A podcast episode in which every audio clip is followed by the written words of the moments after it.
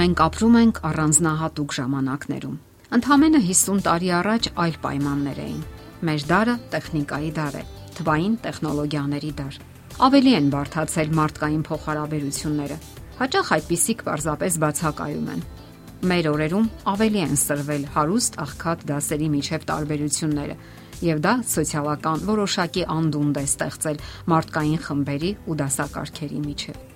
Իսկ երեխաները, Ինչպիսին են նրանք։ Դիպել է արդյոք նրանց ժամանակի շունչը։ Ասենք որ ընդհանուր ոգին փորձում է խեղտել նաև երեխաների հոգեբանությունը։ Այսօր զարգացած երկրներում աստիճանաբար վերանում է բակ հասկացությունը։ Այսպես կոչված քաղաքակրթությունը վերաձևում է երեխաների նուրբ ու զգայուն աշխարհը։ Ինչով են այսօր ավելի շատ զբաղվում երեխաները։ Փորձենք ողրել։ Համակարգիչ, зерքի հեռախոս, ինֆորմացիոն տեխնոլոգիաներ։ Կոնկրետ հեռախոսները դարձել են նրանց մարմնի մի մասը, եւ առանց դրա շատերը չեն պատկերացնում իրենց կյանքը։ Նրանք նույնիսկ անհանգստանում են, երբ տանը կամ մեկ այլ տեղ են թողնում հեռախոսը։ Շատերի մոտ այն տպավորությունն է, թե դա իրենց մարմնի մի մասն է, եւ երբ զանգ կամ հաղորդագրություն չեն ստանում, տագնապում են, անհանգստանում։ Ստանալուց հետո էլ աշխատում են արագ պատասխանել։ Դա յուրատեսակ խաղի ու մոլության է վերածվում։ Բնջային հեռախոսը իհարկե հարմար սարք է։ Շատ դեպքերում փրկել է մարդկանց կյանքը։ Այստեղ կարևոր է նաև ծնողների օրինակը, թե ինչքանով են խելամիտ օգտագործում այն։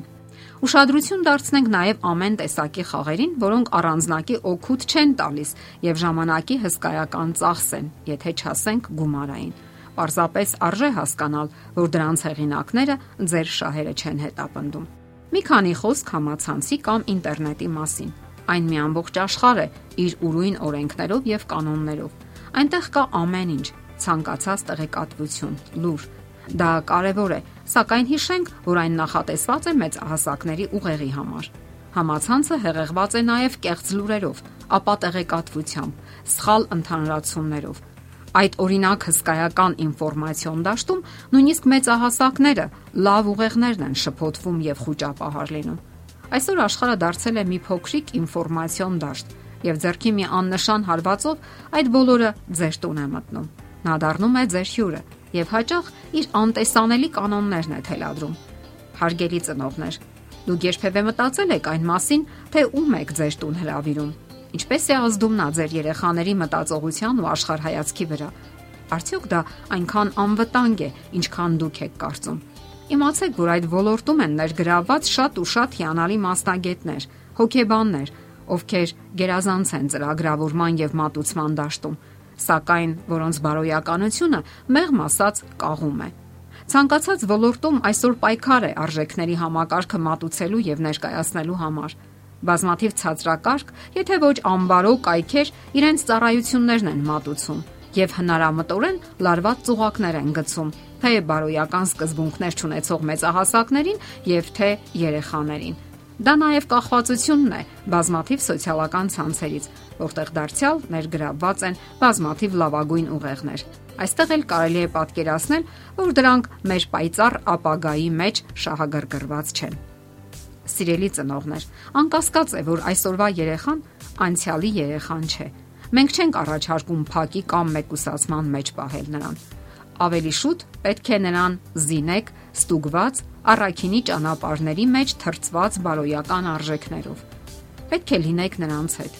Դուք գիտեք ինչն է ուրախացնում ձեր երեխաներին։ Այնինչ ուրախացնում է նրանց, փողով չի գնվում։ Հետաքրքիր հարցումներ է անցկացրել Colgate ֆիրման։ Նրանք ողրզել են, որ երեխաների համար առաջին տեղում ընկերների հետ խաղերն են։ Նրանք ուղակի պաշտում են դա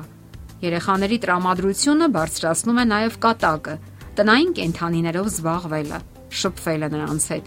Նրանք ջանք են անում ծիծաղ փոկել մեծահասակներից, որոնց հետ համեմատելու համար ասենք, որ երեխաները օրական ծիծաղում են 400 անգամ։ Իսկ մեծերի 10%-ն ասել է, որ իրենք ընդհանրապես չեն ճպտում։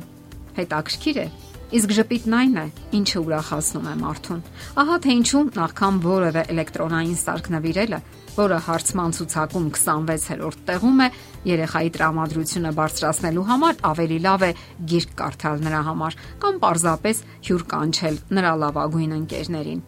Եկեք այսպես ամփոփենք.